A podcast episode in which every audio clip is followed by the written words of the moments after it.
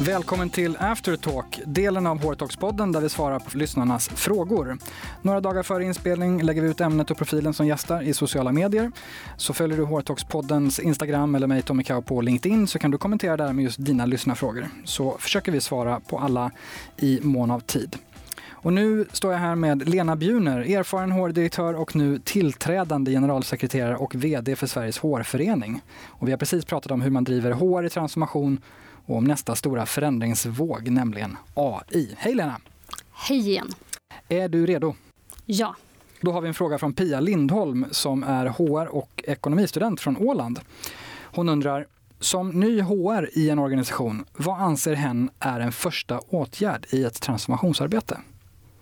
Jag tycker att den första åtgärden, om man, om man är ny eh, och, eh, på en arbetsplats och ska sätta igång med en transformation, så ägna första tiden åt just att eh, bygga relationer, lära känna människor och verksamhet, eh, förstå vad som vad som fungerar idag och vad som inte fungerar idag.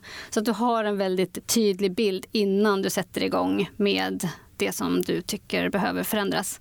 Sen ska du göra din tydliga plan tillsammans med, med andra för, för den vägen framåt. Men ta dig den tiden först. Då har vi en fråga från Ann-Charlotte Billing som är HR-direktör för Apollo Group. Jag undrar hur hen ser på AI och HRs roll i att väcka nyfikenheten och förståelsen hos ledning och individuella medarbetare. Jag tycker det är en helt underbar fråga. vi har pratat mycket om ja, nyfikenhet. Ja, vi har ju gjort det. Så att, uh, ja, jag tycker eh, att HR har en, en roll i det. Och eh, först och främst att vara nyfiken själv för att eh, själv liksom förstå och kunna få sitt, sitt huvud runt det. Men att eh, i nästa steg också kunna vara den som, som bidrar till att inspirera andra. För AI är ju absolut inte bara en teknikfråga. Vi ska inte lämna det till eh, IT att eh, ensamt ta hand om för det har så många HR och eh, aspekter på medarbetarna och deras framtid och välmående. Så att Absolut. Och kan man, du har ju väckt nyfikenhet och förståelse kring andra frågor tidigare i, i dina ledningsgrupper och så vidare. Finns det några tricks där på hur, hur gör man det? Jag tror trixet är att, som jag precis sa, att själv sätta sig in i att hitta de saker som man själv inspireras av är ofta det som kan inspirera andra. Eh, jag har hittat några artiklar genom tiderna som jag tyckte varit helt eh, magiska för min förståelse och för eh, det som man vill åstadkomma. Använd dem. Se till att fler läser dem. Eller plocka ut det bästa ur dem och använd det. Och ta med fakta. Kanske fakta från bolaget kring vad som behöver ändras och så. så det skapar ju nyfikenhet och intresse. Mm. Att det kommer nära. Sprid aktivt i ledningsgruppen och hos andra. Mm. Siri Vikander, en tidigare kollega, Director of People Growth på Scandic Hotels, undrar Behöver HR en digital strategi? Vad ingår i en sådan i så fall och hur tar man fram den? Tack Siri. Eh, Ganska tydlig, skarp fråga. ja. Eh, jag tycker inte att HR ska ha en egen digital strategi. Jag tycker att det ska finnas en affärsstrategi för ett bolag. I den hänger också en people-strategi med. Och inom den people-strategin så finns liksom den digitala strategin. Vissa saker kommer lösas med digitala hjälpmedel. Vissa saker kommer lösas på andra sätt. Det ska hänga ihop i samma strategi tycker jag. Tack, tydligt. Joakim Nordenstam som är Head of People i, i Sverige och norra Europa för eh, banken DNB undrar vad är största misstaget han har gjort i digitala transformationer och, och vad var lärdomen från det? Ja, helt ärligt, misstag gör man ju eh, hela tiden och eh, lär sig utav dem. Ehm, Ja, men det som jag, om jag skulle se tillbaka någonstans på lite större misstag så, så tror jag det är att i perioder så glömmer man lätt bort att involvera och kommunicera framför allt. Man blir lite inne på det som man håller på med och tycker någonstans, fast det är fel, att alla andra vet ju att det är det som pågår. Så att, att hela tiden tänka på att också ha en kommunikationsplan parallellt med sin transformationsplan. Både inom HR och utanför HR så att det hela tiden är tydligt och transparent eh, vad man arbetar med. Och det här kan nog väldigt många känna igen sig För när man driver förändring så stöter man på en del vågen men också en hel del motstånd och att hantera det på olika sätt. Precis. Tack så mycket. Sofie af Ekestam är HR-konsult på försäkringsföretaget Hannover Re. Hur har hen på ett framgångsrikt sätt hanterat det motstånd som finns inom organisationen när det kommer till digital transformation? Eh, det var egentligen fortsättning på, på förra frågan. Ja. Kan, finns det något konkret man kan göra? Nej, men det är ju egentligen motsatsen till det. Alltså, när, vi, när vi tappat fokus så är det ju eh, när vi inte har involverat och kommunicerat tillräckligt.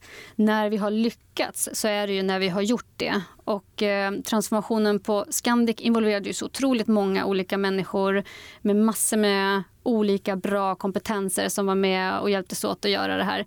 Så att hela tiden hänga ihop det och att eh, involvera och kommunicera. Och finns det något konkret man kan säga om det? Alltså använda olika kanaler, olika talespersoner, eh, möten eller hur så att säga. Vad har du lärt dig funkar extra bra? Det tror jag är väldigt individuellt från bolag till bolag. Men det är en sak som jag, som jag har lärt mig att jag tycker fungerar extra bra. Det är att man har en liksom, tät kontakt.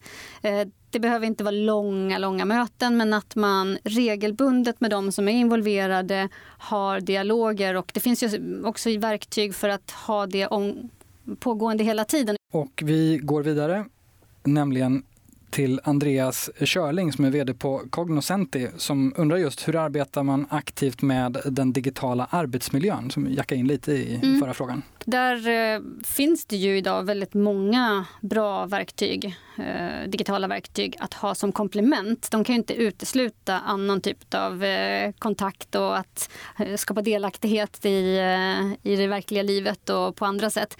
Men det finns ju en hel del bra verktyg som man kan ha för att jobba tillsammans i det dagliga även om man inte sitter tillsammans. Och att även om man sitter nära varann så håller, kan man inte hinna med att uppdatera varandra hela tiden. Det finns ett ställe där, där det går att utnyttja. Det finns ju olika typer av verktyg men som gör det möjligt. Det kanske vi ska göra till ett eget avsnitt och prata om, om, om allt det här.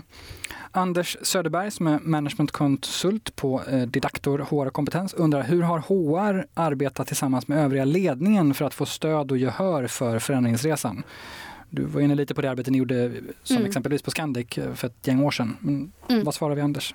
Jag tror att det är just det, att eh, själva planen behöver man ju eh, verkligen eh, om det inte är möjligt att jobba fram den tillsammans, vilket jag tycker är absolut bästa, men den ska ju definitivt vara eh, engagerande för, för hela ledningen. För om man inte har det engagemanget då är det nästan omöjligt tror jag att driva en transformation i ett bolag. Så att eh, börja, börja med att få ett commitment.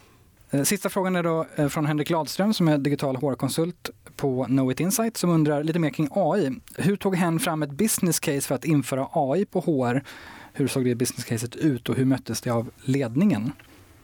Nu har jag eh, inte tagit fram ett eh, business case för just AI, eh, så att där har jag inte så mycket input. Men jag tänker att det ju fungerar på samma sätt som för andra business case och annan transformation som, som man har drivit och bygger mycket på det här som vi har pratat om, egen nyfikenhet, sätta sig in i, hitta fakta både internt och externt, använda den och, och skapa ett engagemang kring kring förändringen.